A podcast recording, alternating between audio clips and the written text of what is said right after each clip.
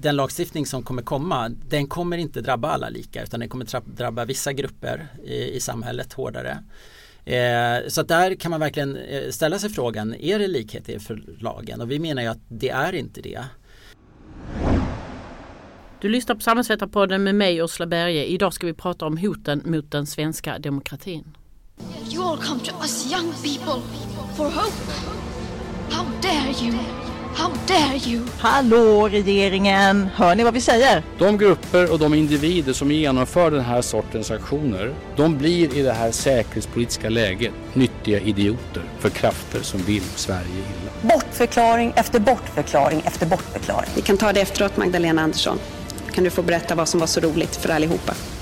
Hej och välkomna till Samhällsvetarpodden som leds av mig Ursula Berge, samhällspolitisk chef på Akademikerförbundet SSR. Vår gäst idag är John Stauffer som är chefsjurist på Civil Rights Defenders. Välkommen John! Tack så mycket! Civil Rights Defenders är ju en ideell organisation som bevakar mänskliga rättigheter på fyra kontinenter och i 50 länder. Men på senare tid har ni gjort mer och mer arbete som handlar om villkoren för mänskliga rättigheter och demokrati här i Sverige. Varför det?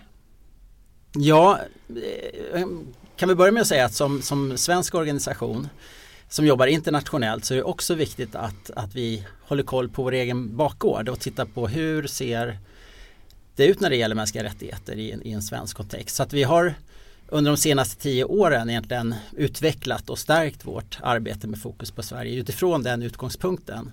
Också utifrån utgångspunkten att säkerställa respekten för mänskliga rättigheter och liksom en stark demokrati, det kräver ett kontinuerligt arbete. Det är inget som tar slut.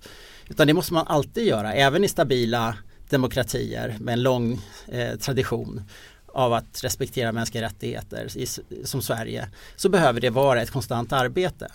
Sen ser vi de senaste åren att eh, det blir allt tydligare att mänskliga rättigheter inte är liksom högt upp på den politiska agendan utan det är andra frågor som prioriteras.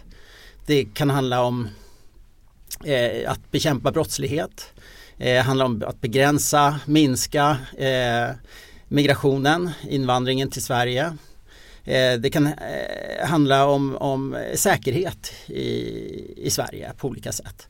De här frågorna, eh, när man försöker komma till rätta med dem så ser vi att man inte respekterar mänskliga rättigheter fullt ut. Och, och därför ser vi att vi har ett behov att ytterligare stärka vår, vår Sverigeverksamhet och, och granska makthavare, peka på brister, försöka påverka politiken i en liksom människorättsvänlig riktning och sen utkräva ansvar när, när rättigheter kränks.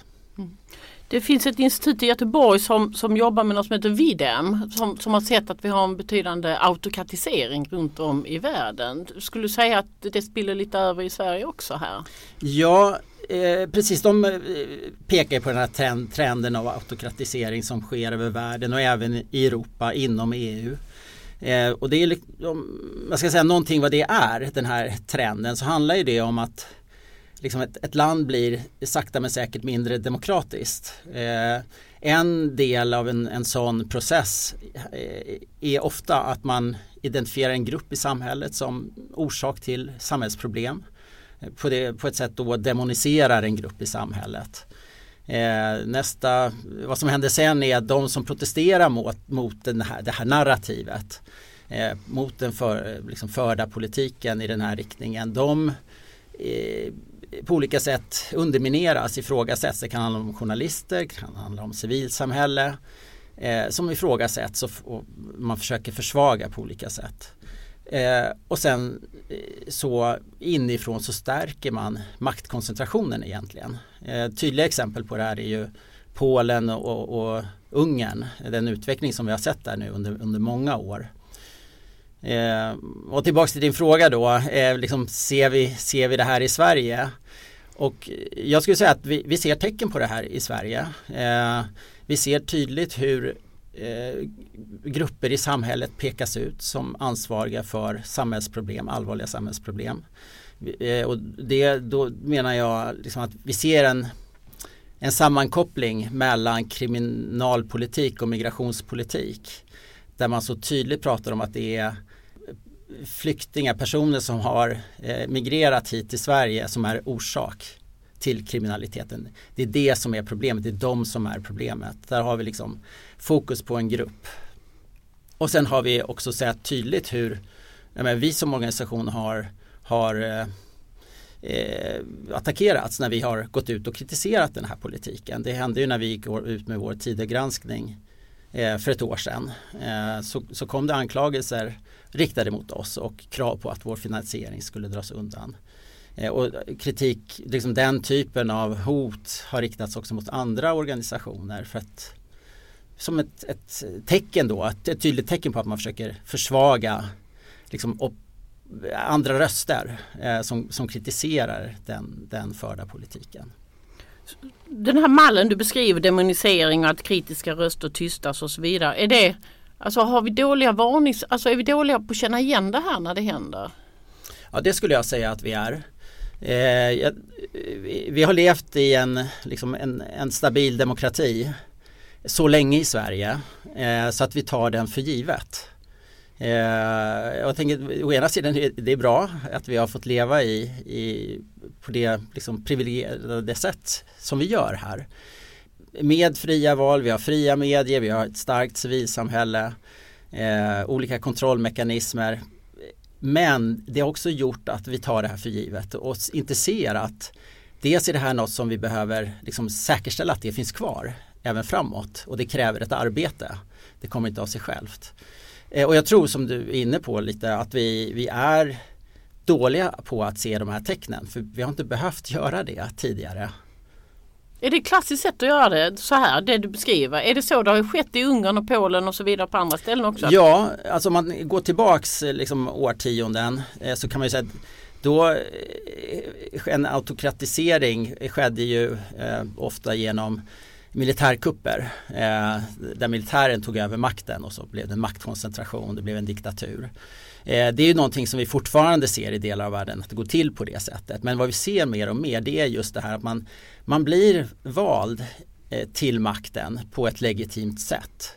Men sen inifrån, sakta men säkert, så, så urholkar man demokratin, eh, koncentrerar makten, försvagar parlament till exempel eller försvagar domstolsväsende, att man tillsätter eh, in, domar som inte är oberoende utan som dömer i enlighet med det som, som liksom det styrande partiet, den styrande personen kanske eh, vill eh, och inte utifrån lagar och en, en, liksom en objektiv tillämpning av lag. Eh, så det är mer och mer runt om i världen liksom en, ett, ett mönster som, som eh, vi ser.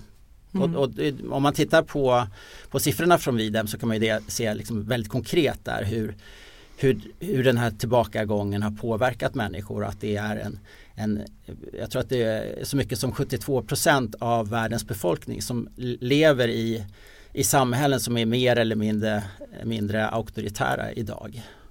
Och det är en, det är en stor tillbakagång. Egentligen skulle jag fråga dig varför detta sker just nu och så vidare. Men jag tänkte vi skulle gå in på Sverige och, och så. Eh, ni gjorde nyligen en undersökning med hjälp av Novus om svenska folkets syn på Sveriges demokrati. Vad såg ni där i den undersökningen? Hur förändras synen på demokratin? Ja det är en undersökning som vi har gjort tidigare så vi kan ju mäta eh, jämfört med förra året de här siffrorna. Eh, och det är också intressant. Men så det vi ser är ju att eh, en fråga vi har ställt är om man ser och uppfattar att demokratiska grundprinciper har, har eh, utmanats och hotats under den senaste perioden.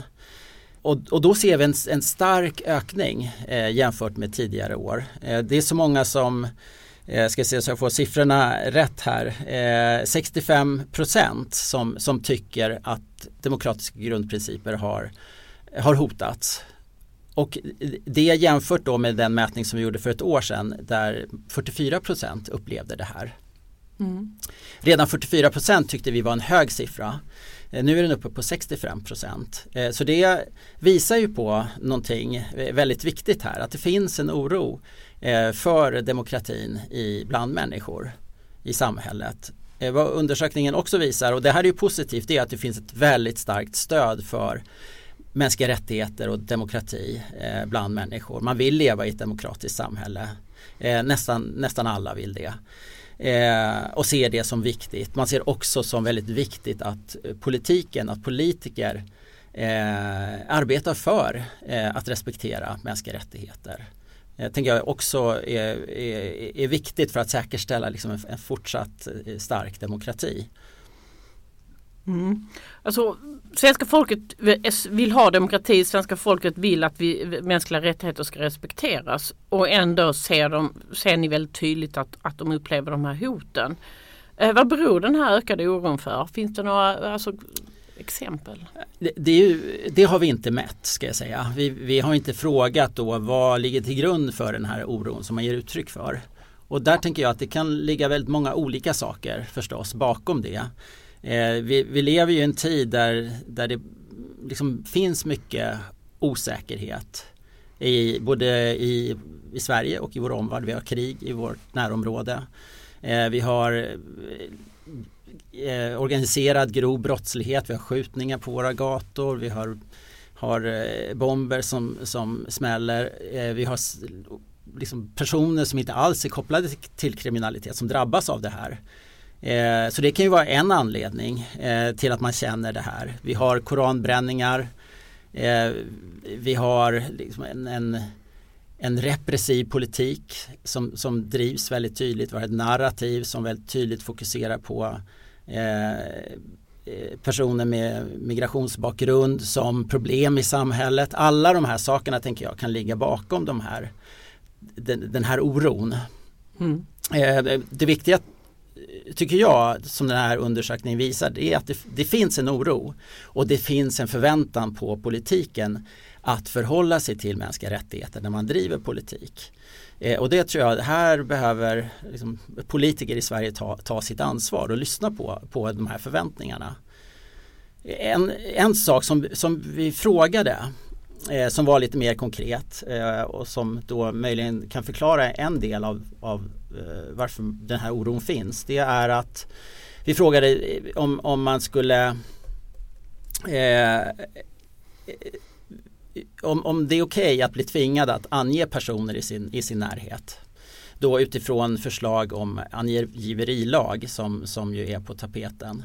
Och där fick vi en, en väldigt hög siffra på att man inte var beredd att göra det. Eh, 58 procent eh, indikerade att det var man inte beredd att göra. Man var inte beredd att ange personer eh, till polis. Och jag tänkte vi skulle komma in på en hel del av de förslagen som, som eh, ligger just nu antingen utreds eller ute på remiss och så vidare. Men eh, alltså politikens hela liksom eh, existensberättigande bygger på demokratin ju. Och så tänker jag så här, men um, ser du några tecken på att politiken tar den här oron på allvar? Att man försöker på olika sätt eh, eh, stärka demokratin för att medborgarna vill det och, för att man ser en oroväckande urholkning? Jag, jag ser både och kan man säga. Jag, jag ser att eh, det har gjorts en del saker eh, för att stärka liksom, strukturen kring demokratin. Alltså det finns förslag, har tagit fram förslag om att stärka domstolars oberoende, eh, att försvåra förändringar av grundlag. Den typen av strukturella förändringar finns det förslag på. Eh, och där tror jag att vi kommer se en, en, en, en förbättring, en förstärkning. Det är viktigt. Eh, och det är, så det är en positiv utveckling som vi ser. Eh, men sen har vi liksom i andra änden en, en politik som som eh, går eh, en politik som utvecklas väldigt snabbt där det sker stora väldigt grundläggande förändringar av straffrätten. Eh, hur vi ser på straffrätten eh, av migrationspolitiken. Eh, och det, de här åtgärderna, de utredningar som har tillsatts, de lagförslag som kommer, vi ser att de, många utav dem eh, respekterar inte mänskliga rättigheter utan underminerar dem. Och då bör man vara medveten om att demokrati är respekt för mänskliga rättigheter. Alltså man kan inte skilja på de två. Om vi inte respekterar mänskliga rättigheter, eh, om det, respekt politiken inte, eller politiker inte driver en politik som, som är i linje med mänskliga rättigheter då urholkar man demokratin på sikt. Mm. Jag tänkte vi skulle gå in på tidavtalet och ni har gjort en specialgranskning av, av det och, och gör väl uppföljningar på det och vi har också intresserat oss väldigt mycket för en del av de förslagen för att de ja, är problematiska utifrån våra yrkesgrupper men också på andra sätt. Och ni skriver att tidavtalet innehåller en rad åtgärder som tydligt strider mot de normer för mänskliga rättigheter som Sverige är bundet av samt undergräver rättsstaten och vår demokrati. Hårda ord. Ja, eh, men vi ser det väldigt tydligt. Eh, det liksom internationella ramverk som finns med internationella konventioner eh, FNs deklaration om de mänskliga rättigheterna som, som en grund. Det är saker som Sverige som, som stat eh, och regeringen som ansvarig för den politik som, som, som drivs är, behöver respektera och förhålla sig till eh, och leva upp till.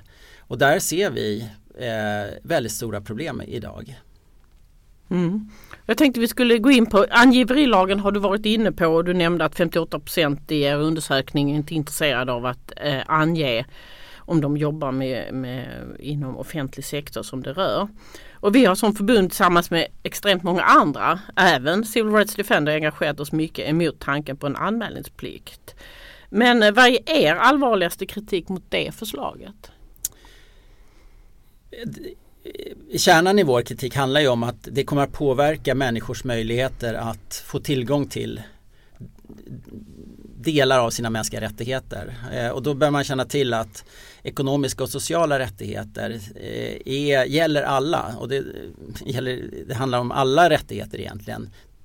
Tillkommer alla som lever i ett land oberoende av vilken status man har, vilken juridisk status man har, om man har uppehållstillstånd eller inte, det spelar ingen roll. Man har ändå rätt till vissa grundläggande rättigheter. Eh, det är, en viktig utgångspunkt att ha med sig här. Och då ser vi att ett sånt här förslag eh, om att ange personer till eh, Migrationsverket eller till polisen när man kommer och till exempel söker vård eller barnen ska gå i skola. Det kommer att påverka människor eh, på det sättet att de kommer dra sig för att söka vård helt enkelt. Eller de kommer inte sätta sina barn i skolan om de inte har eh, uppehållstillstånd i Sverige. För att risken är för stor att då upptäckas och skickas ut från landet. Så det gör att i praktiken så kommer man inte få tillgång till de här grundläggande rättigheterna. Så det är där vi ser problemet. Det är där vi ser rättighetskränkningen. Mm. Och man, idag är det så, det här rör ju papperslösa, det vill säga personer som inte har rätt att äh, inte ha uppehållstillstånd eller medborgarskap i landet. Eh, men eh, idag har ju gruppen papperslösa rätt till det som heter vård som inte kan anstå. Och de har också rätt att sitta, sätta sina barn i skolan utan att bli angiven. Tycker du att dagens rättigheter räcker för att säga att, att de har sina ekonomiska och sociala rättigheter säkrade? Eh, den analysen har inte vi gjort riktigt eh, hos oss om det här, liksom den situationen idag räcker. Räcker det med vård som inte kan anstå eller borde de ha tillgång till ytterligare liksom, vård? Det kan inte jag säga riktigt. Eh, det, det, har liksom inte vi tittat på. Utan det är problemet här som, som vi har fokuserat på det är just att oberoende av nivån så, så finns det ändå rätt till viss vård som läget är nu och den, eh, den tillgången kommer eh, äventyras med ett, ett, en anmälningsplikt. Man kommer mm. inte ens få tillgång till det. Mm. Från vårt förbunds sida så tycker vi ju att hela lagen, angiverilagen som vi kallar den, är extremt problematisk utifrån eh, ja, demokratiperspektiv och annat. En hel del eh, driver att uh, det kanske kan vara bra i vissa situationer men vi måste ha undantag från den. Hur mm. tänker ni utifrån ett mm. MR-perspektiv på det? Det där har ju vi också sett eh, att det är, många som driver eh, har fokus på undantagsfrågan och att den är viktig. Eh, och det är positivt att höra att ni, att ni, driver en annan linje som handlar om att hela liksom den här idén i sig är, är problematisk och det är den linje vi också håller.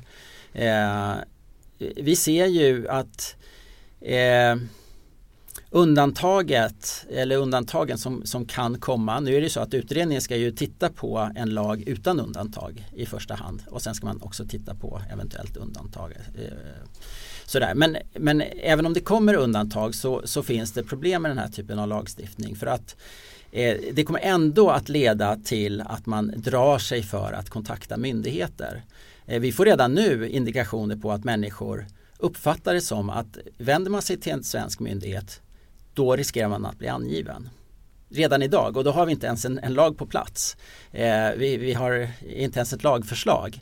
Men eh, man uppfattar att det är det här som gäller och så tänker jag att även om vi har en lag med undantag så kommer det uppfattas som att det, det gäller alla kontakter med alla myndigheter. Mm.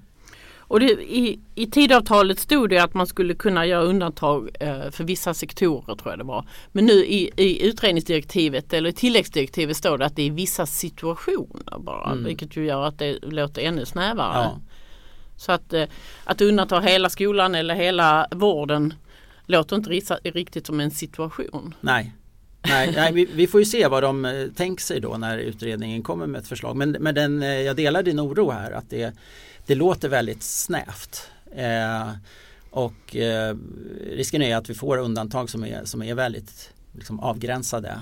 Eh, men som sagt, jag skulle säga att det är hela idén om den här typen av an, angiveri som, som är problematisk. Eh, och det kommer påverka eh, både liksom tillgången konkret till, till de här rättigheterna som vi har pratat om men det kommer ju också eh, försvaga tilliten till, till myndigheter, till stat generellt eh, mm. bland de här grupperna. Mm. Och vi, vi organiserar väldigt många människor som jobbar inom socialtjänsten och, mm. och tyvärr är det få politiker som tycker att socialtjänsten skulle undantas i ett sånt här läge. Mm. Men det vi, våra medlemmar beskriver är att, att själva, alltså hela förutsättningen att driva socialt arbete ja. blir urholkat om, om man inte kan lita på att man så att säga ja. får hjälp där ja. utan att man istället det, liksom, man blir angiven eller att man, man, ja. har, man har en annan dagordning än att hjälpa till mm. i socialtjänsten om det här skulle drivas igenom. Jag tänker att den här tillitsfrågan som, som ligger här i grunden eh, den är så viktig i ett samhälle. Eh, grundläggande för att ett samhälle ska, ska fungera på ett bra sätt och vi har ju traditionellt i Sverige haft en väldigt hög tillit i samhället, en tillit till eh, stat och statliga myndigheter och eh, där har vi sett en, eh, att den tilliten har försvagats över tid. Och jag tänker att ett sånt här förslag, eller liksom en sån här lagstiftning, den kommer leda till en drastisk minskning av tillit. Och vad tänker du runt det att väldigt många fackliga fackförbund och väldigt många andra civilsamhällesorganisationer har varit ute och, och protesterat mot detta, alltså väldigt, väldigt brett. Vad tänker du? Och sen er undersökning som visar att det var väldigt många som absolut inte tänker ange. Mm. Vad tänker du runt den här folkliga mobiliseringen? Jag ser det som något väldigt positivt att folk reagerar på det här och där kan man ju säga är det förslag eh, i Tidöavtalet som har mött tydligast och störst motstånd och fått en väldigt stor motreaktion.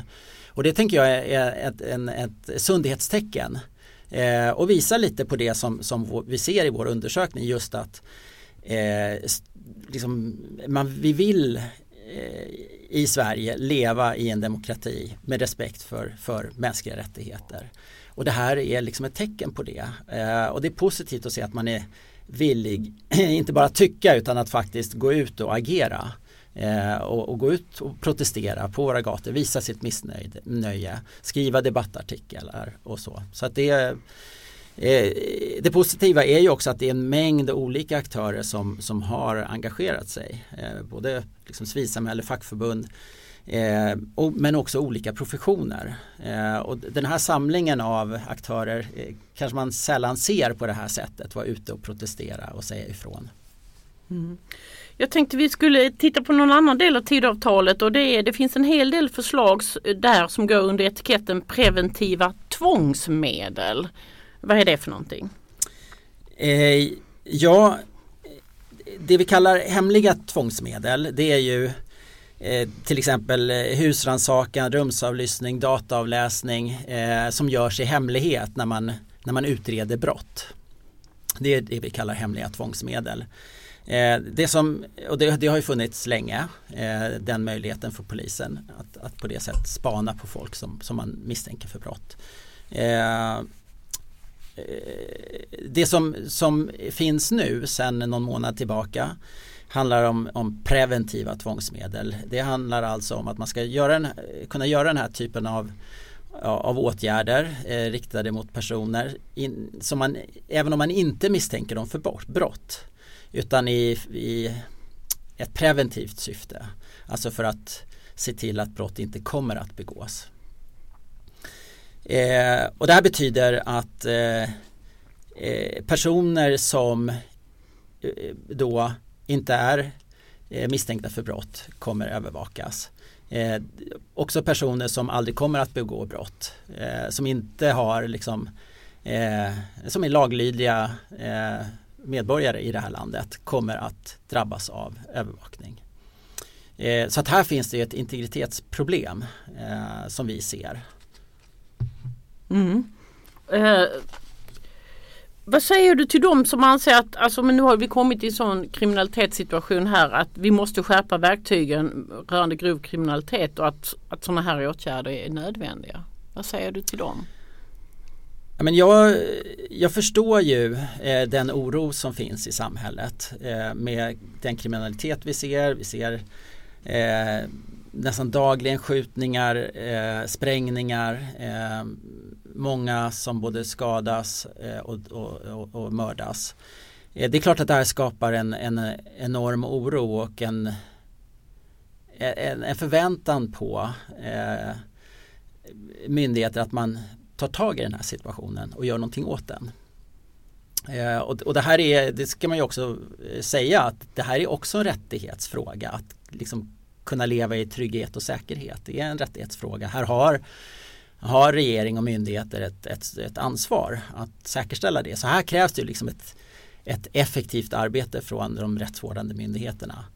Eh, men vi måste hela tiden när vi då vidtar olika åtgärder se till att de eh, är proportionerliga. Målet att bekämpa brottslighet, eh, det, det, är ett viktigt mål de åtgärder som vi vidtar för att nå det målet måste vara proportionerliga i förhållande till andra konsekvenser som de har, andra rättighetsinskränkningar. Eh, och där måste, där måste man eh, väga dem väldigt noga eh, så att man inte går för långt i att inskränka andra rättigheter. Eh, en, eh, ett, ett annat perspektiv här det är ju att de här åtgärderna måste visa sig vara också väldigt effektiva för att nå målet om minskad brottslighet. Är det så att de är, in, inte liksom går, når eller inte eh, är effektiva för att nå det målet, ja, men då, då blir liksom proportionalitetsbedömd, då väger de ganska lätt i förhållande till en eventuell inskränkning av andra rättigheter. Eh, när det gäller just, eh, eh just preventiv, eh, preventiva tvångsmedel så är det ett otroligt eh, rättighetsinskränkande verktyg som man använder här. Alltså man får ju total inblick i en annan människas liv och andra människors liv. Eh, och eh, här bör man vara väldigt, väldigt försiktig. Eh, för vi ska vara medvetna då om att vi pratar också om människor som, som eh, inte är misstänkta för brott och inte, kanske inte kommer begå brott. Och vi har som grund i i, i vårt samhälle att någonting som kallas oskuldspresumtion. Att människor ska ses som oskyldiga till brott fram tills att de har bevisats vara skyldiga. Och det här frångår man lite eh, när man på det här sättet går in och övervakar människor. Eh, utan, liksom, utan en, en, en, stark misstanke om att man har begått brott. Eh, så att det är den här avvägningen skulle jag säga. Eh, och jag skulle vilja ge ett exempel på hur, liksom hur det kan gå fel. Eh, vet inte om, om du minns eh, registret över romer som Skånepolisen skapade eh, och som avslöjades 2013. Det är en, ett fall som Civil Rights Defenders har arbetat med under många år. Eh, där samlade man ju massor med information om romer i ett register en, en typ av övervakning. Eh, inte för att de hade, var misstänkta för brott eller hade begått brott utan för eh, för att det var bra att ha i, i, liksom i det brottsutredande eller brottsförebyggande att veta vad, som, vad det finns för människor. Eh, det var väl det eh, vi kunde förstå var, var syftet med det här. Det är ett exempel på hur, hur tanken om att samla information om människor kan leda helt fel. Och, och den risken ser vi med, med preventiva tvångsmedel också. Mm. Två risker man kan se alltså på det här med proportionerlighetsgraden. Eller vad ska säga. Det ena är den tekniska utvecklingen som gör att det är så mycket enklare förmodligen för liksom, polisen med flera att, att göra sådana här eh, övervakningar. Det, en, det andra är den här känslan av att det kommer inte att vara slumpmässigt vilka som, som granskas och som utsätts för de här preventiva bromsningarna. Liksom sådana som du och jag kanske inte är de som, som polisen skulle välja att titta på i första hand. Alltså bli, blir det blir det likhet inför lagen? Alltså behandlas alla människor, medborgare eller alla i Sverige lika med en sån här lag? Jag, jag skulle säga att med flera av de förslagen som, som finns i Tidöavtalet så ser vi just det du är inne på här att det är eh, den här den lagstiftning som kommer komma den kommer inte drabba alla lika utan den kommer drabba vissa grupper i, i samhället hårdare. Den kommer drabba människor som leser, led, lever, eh, bor och lever i vissa delar av vårt land eh, mer än, än andra. Eh, så där kan man verkligen eh, ställa sig frågan, är det likhet inför lagen? Och vi menar ju att det är inte det.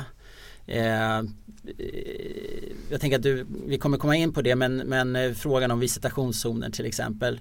Eh, det kommer användas i vissa områden eh, där det bor människor som i huvudsak har en, en invandrarbakgrund. Eh, mm. och, och det, kommer, det kommer leda till eh, en, en etnisk eller rasprofilering av människor. Alltså man kommer drabbas på grund av sin etnicitet. Mm. Men kan man, om man går från att det ska finnas en påtaglig brottsmisstanke eller vad nu mm. begreppet är till någonting annat. Eh, har man inte lämnat hela idén om proportionalitet då? Eller kan, kan det vara proportionellt i alla fall? Eh, jag, jag, tycker ju att med jag skulle säga så här, med, med de eh, problemet som vi ser eh, generellt med, med alla de eh, förslag som kommer nu på det kriminalpolitiska området det är ju att de, de går väldigt långt. De är, är repressiva eh, i sitt syfte eh, och de sammantaget leder till en väldigt eh, stor rättighetsinskränkning. Eh, inte minst den här proportionalitetsbedömningen. Man måste se de här samlat också. För tittar man på varje liksom, åtgärd för sig så kan man tänka att okej, okay, den här åtgärden, den tror vi är viktig. Visst, den inskränker rättigheter lite grann. Den i proportionalitetsbedömningen så lägger den tyngdvikten vid eh, effektiv brottsbekämpning och inte på integritet. Det kanske vi får acceptera. Eh, men när man lägger alla de här förslagen bredvid varandra och ser sammantaget då blir effekten väldigt stor. Och den här eh, proportionaliteten den har vi tappat bort då. Det tänker jag är det, en viktig, ett viktigt perspektiv att ha med sig när man funderar kring de förslag som kommer. Man kan inte titta på dem var och ett för sig. Eh, utan man måste titta på dem samlat och i vilken riktning det driver eh, politiken i förhållande till mänskliga rättigheter och, och då demokrati i grunden. Mm. Och du nämnde det med visitationszoner och det som heter då en inre gränskontroll. Um, och visitationszoner, det känner vi lite igen. Vi hade något som heter REVA för x antal år sedan där, där polisen stod i tunnelbanan och ganska uppenbart pinpointade en viss typ av människor med ett visst mm. utseende och, och, och så. Eh, kan visitationszoner göras på ett rättssäkert sätt enligt ert sätt att se det? Eh, Om det ska vara effektivt? Eh, nej, alltså den typen av åtgärder som visitationszoner och eh, inre utlänningskontroller eh, det ser vi är väldigt svårt att göra på ett sätt som är rättssäkert och som inte leder till ras eller etnisk profilering. Utan, utan det bygger liksom på att man, man väljer ut människor. Eh, antingen så kontrollerar man alla. Eh, eh, men det kommer man inte att göra. utan på något sätt måste man välja ut de man eh, stoppar och kontrollerar. Och eh, risken här är väldigt, väldigt stor att det sker utifrån en bedömning eh, mot bakgrund av personers utseende Eh, eller e, e, etniska tillhörighet, hudfärg. Så att jag skulle säga att det, det, det, det e, kommer vara svårt att göra eh, det här på ett rättssäkert sätt som, som inte är rättighetskränkande. Eh, eh, frå, frågan är också om de här åtgärderna verkligen behövs. Redan idag så har polisen långtgående möjligheter att eh, stoppa människor eh, och, och undersöka. Eh, och eh, ja, där är, frågan är, räcker liksom inte det? Eh, eh och där, är det intressant när vi går ut och pratar med folk som bor i, i vissa delar av, eh, av våra storstäder kring en, en, lagstiftning som handlar om, om visitationszoner. Då säger de, ja men finns inte det redan? Vi upplever att vi redan har det här. För, för vi kan inte röra oss liksom i centrum utan att bli stoppade. Polisen är alltid där och stoppar oss. Eh, när vi går till skolan, när vi går till jobbet, när vi går och handlar. Eh, så att eh, det där tänker jag är, är viktigt att ha med sig. Eh, just vad görs redan idag och är det här, är det här nödvändigt? Eh, jag, jag, skulle snarare säga att vi behöver större tydlighet i liksom vad som krävs för att få liksom stoppa människor, undersöka människor, eh, kroppsvisitera människor. Inte mindre. Verkligen. Jag tänkte fråga dig, i samband med REVA-diskussionen så blev det en ganska eller omfattande mediedebatt och också eh, upprördhet i befolkningen rörande själva fenomenet och, och det här med rom, romregistret också. Mm. Känner du att samma upprördhet finns idag rörande de här förslagen? Eh, nej, jag tycker inte det. Inte i den allmänna debatten. Sen finns det ju människor som är väldigt, väldigt oroade. Eh, eh, men jag tycker inte att den allmänna debatten är tillräckligt kritisk.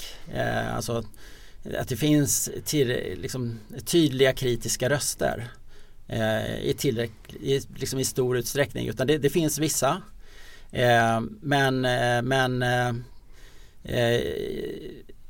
jag, jag, tycker att det finns i politiken, det saknas en en tydlig opposition som driver ett annat narrativ än eh, hårdare tag, eh, mer långtgående eh, verktyg. Eh, det saknas och det, det, är ett problem idag. Eh, det är svårt att få den här eh, så att säga, andra bilden av liksom den, den problematiska sidan av, av alla de här åtgärderna som vidtas.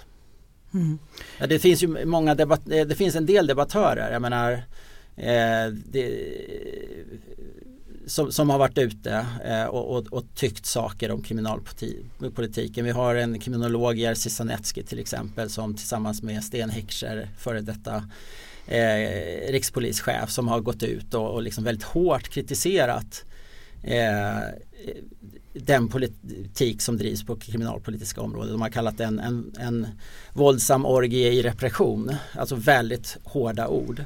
Eh, men det, det är eh, vissa, vissa röster ute men inte tillräckligt många. Mm. Jag tänkte ta några eh, fler exempel. Eh, till exempel så, som kanske inte är så mycket upp i debatten men till exempel finns det ett förslag i tidavtalet att familjer ska kunna vräkas om ett minderårigt barn begår mm. ett brott. Ja.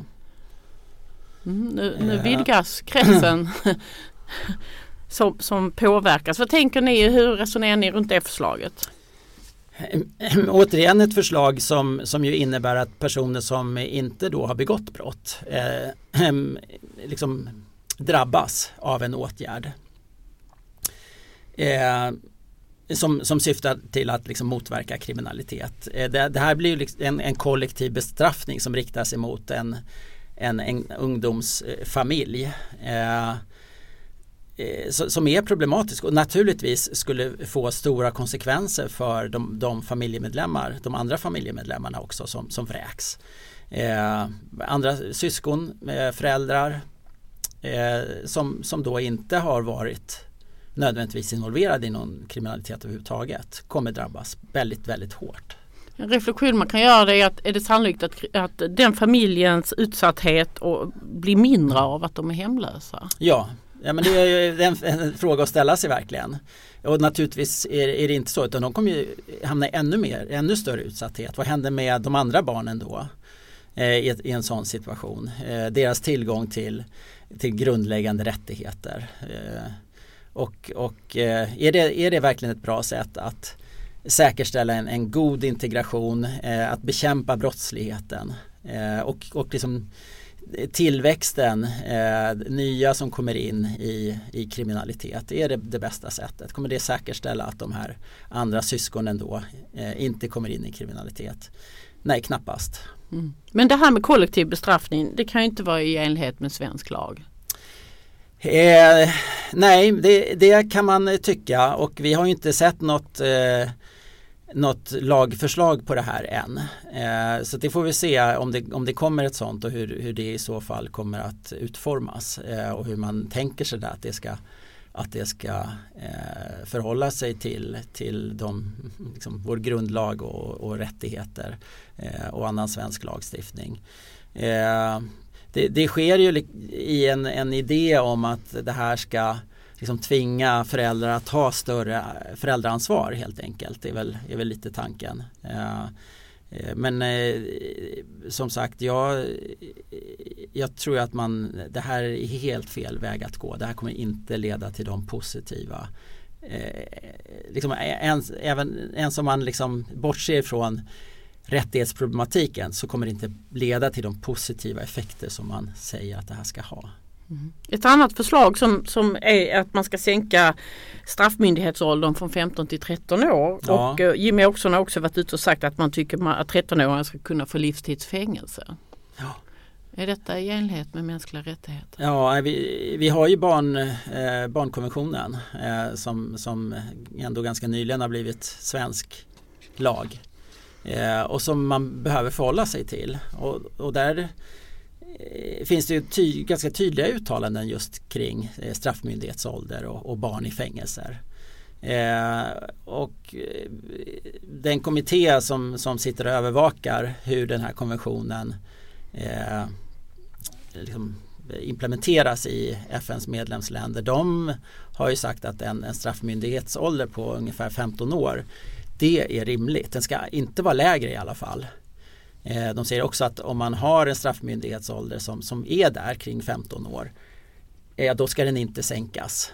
Eh, och har man en som är högre då ska den inte sänkas heller utan man ska hålla sig liksom vid man är orolig för att straffmyndighetsåldern går ner.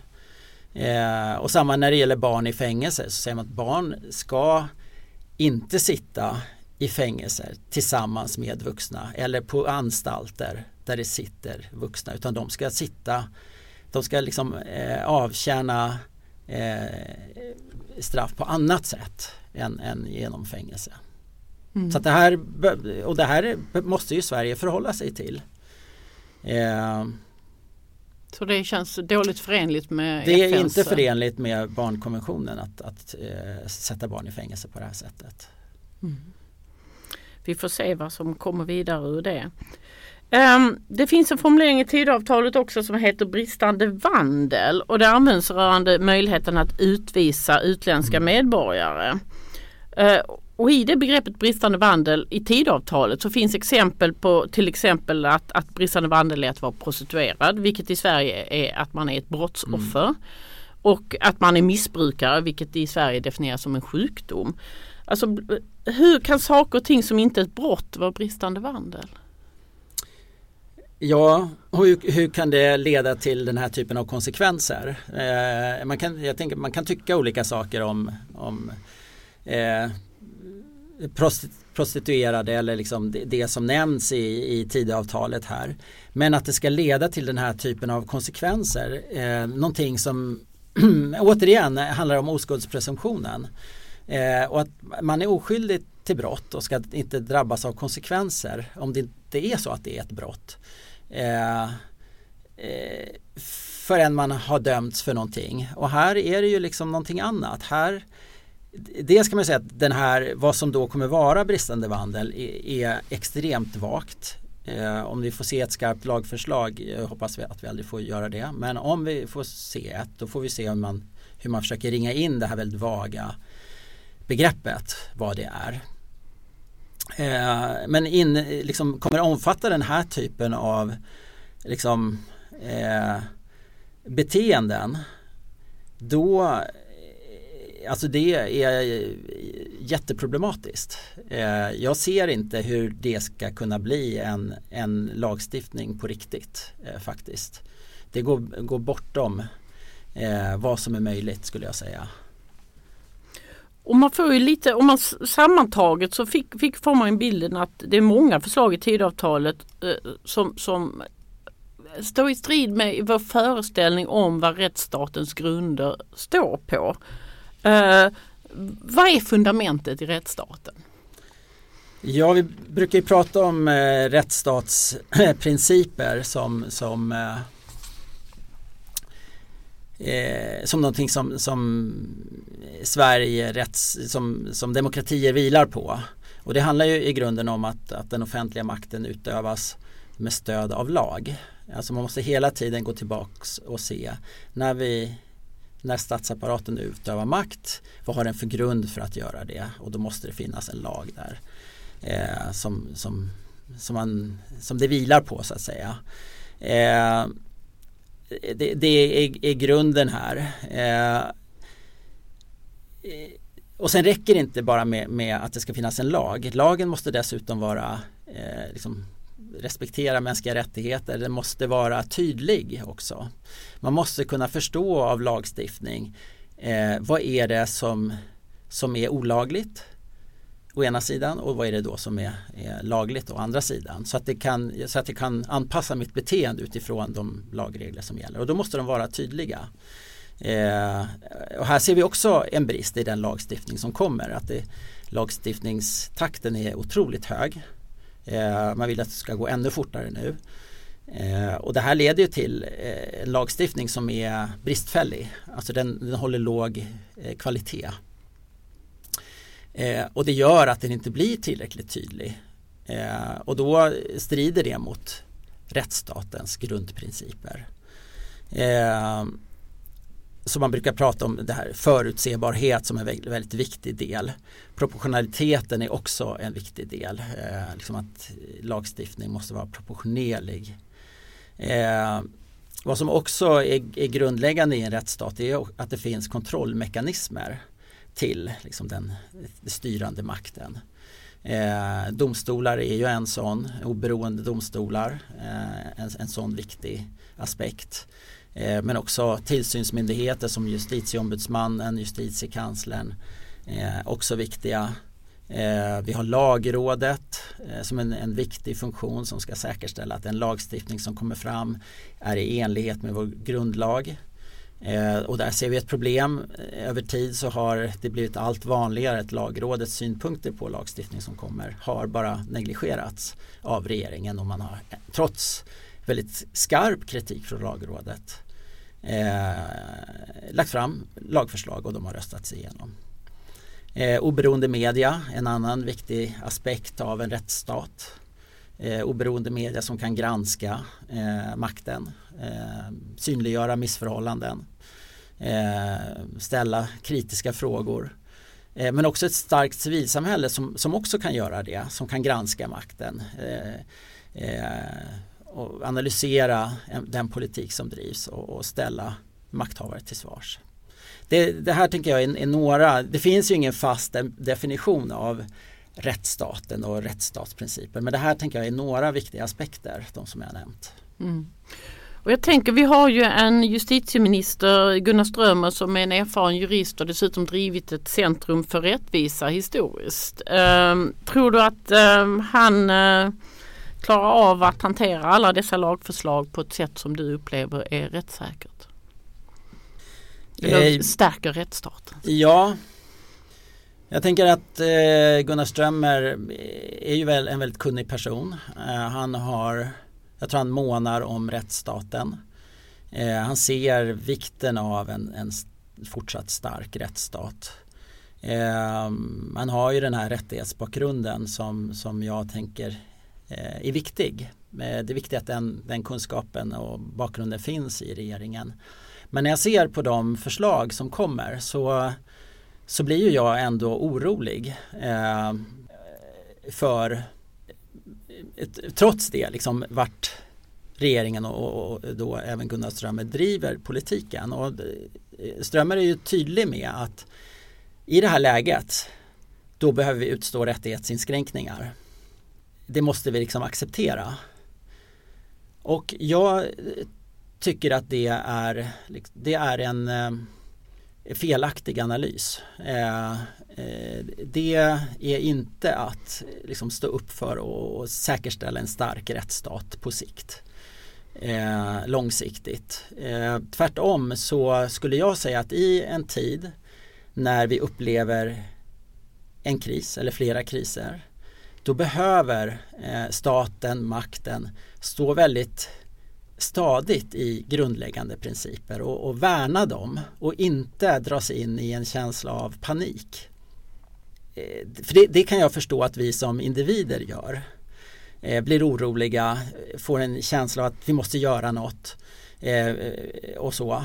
Men en stat, en regering får inte göra det utan man måste stå stadigare i grundläggande principer om rättsstat, mänskliga rättigheter och driva en politik som säkerställer respekten för det även, även långsiktigt. Eh, och där tycker jag att, att Strömmer och regeringen misslyckas nu. Eh, vad vi vet också det är att har man en gång inskränkt rättigheter så är det svårt att rulla tillbaka bandet. När polisen har fått de här väldigt rättighetsinskränkande verktygen så kommer det bli svårt att ta bort dem senare. Eh, men där skulle jag säga en, ursäkta, eh, en uppmaning ändå är att eh, nu är det ju så att man, man vidtar de här åtgärderna. Det spelar ingen roll vad jag säger tyvärr. Man gör det. Jag hoppas att, att organisationer som Civil Rights Defenders kan påverka i alla fall lite. Men många åtgärder vidtas. Eh, vad som är viktigt i en sån, ett sånt läge och det är väl en uppmaning till, till Strömmer då det är ju att säkerställa att det finns kontrollmekanismer på plats som gör att man kan säkerställa en så rättssäker tillämpning som möjligt av de här nya liksom, verktygen som, som ges till, till polis och andra. Eh, och det andra skulle vara att eh, göra lagstiftningen tidsbegränsad så att den måste liksom, den tar slut och sen om man vill fortsätta med den, ja då får man, då får man göra en ny eh, omröstning om, om man ska ha den här lagen. Och att lägga in utvärderingar av lagstiftning. Alltså vilken effekt har de här haft? Har de den effekt vi vill? Eh, är det proportionerligt eh, gentemot konsekvenser som lagstiftningen har? Tre tydliga uppmaningar till justitieministern. Kontrollmekanismer, tidsbegränsat och utvärdering. Mm. Ja. Av, eh, avrundningsvis, eh, ni har startat en kampanj som heter eh, Backa demokratin eh, för att synliggöra detta och vi som förbund har ett projekt som heter Öppet demokratiskt Sverige som också bygger på rättssäkerhetsperspektivet. Vad förväntar du dig eller vad hoppas du att eh, vi andra så att säga som inte är civil rights defenders i facket och, och professioner av olika slag vad vi borde göra här och nu? Ja, jag tänker att det finns mycket, mycket att göra förstås. Jag ska säga att det vi gör inom det vi kallar Backa-demokratin det är ju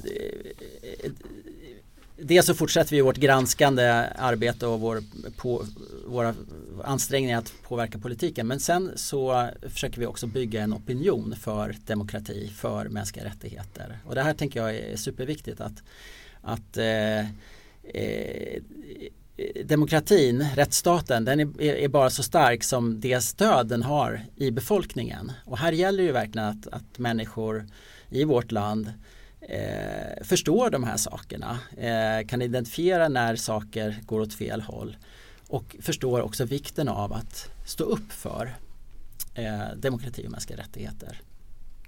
Vi kommer också driva ett arbete Eh, som fokuserar på att, att eh, bidra till ett starkt eh, civilsamhälle. Eh, för det är en, en nyckel här, ett, ett civilsamhälle som kan engagera sig kring de här frågorna. Och här tänker jag att det, eh, den typen av initiativ som, som ni nu också tar, vi ser mer och mer av det. Där aktörer, organisationer som kanske har haft sitt fokus kring någon specifik viktig sakfråga eh, eh, fackets medlemmar som är deras intressen som en sån eller det kan vara olika specifika rättighetsfrågor. De eh, börjar nu mer och mer prata bredare och ser att de har eh, deras specifika frågor faller in under en, en större fråga om, om eh, demokrati och, för, och engagera sig och sina medlemmar och de de vänder sig till eh, kring de här frågorna och det tänker jag är jätteviktigt. Vi måste tillsammans försöka bygga verkligen den här eh, kunskapen om och intresset för eh, mänskliga rättigheter och demokrati. Det tänker jag är det absolut viktigaste i det här läget. Sen, sen ska vi också påverka politiken förstås. Eh, men just det här att bygga, eh, bygga opinion för de här väldigt grundläggande sakerna och en förståelse för att vi måste tillsammans arbeta för det här. Det eh, är jätteviktigt. Tack John. Tack så mycket. Det var allt från Samhällsvetarpodden den här veckan. Prenumerera gärna på oss så missar du inga avsnitt. Samhällsvetarpodden görs av Akademikerförbundet SSR, Sveriges ledande samhällsvetarförbund.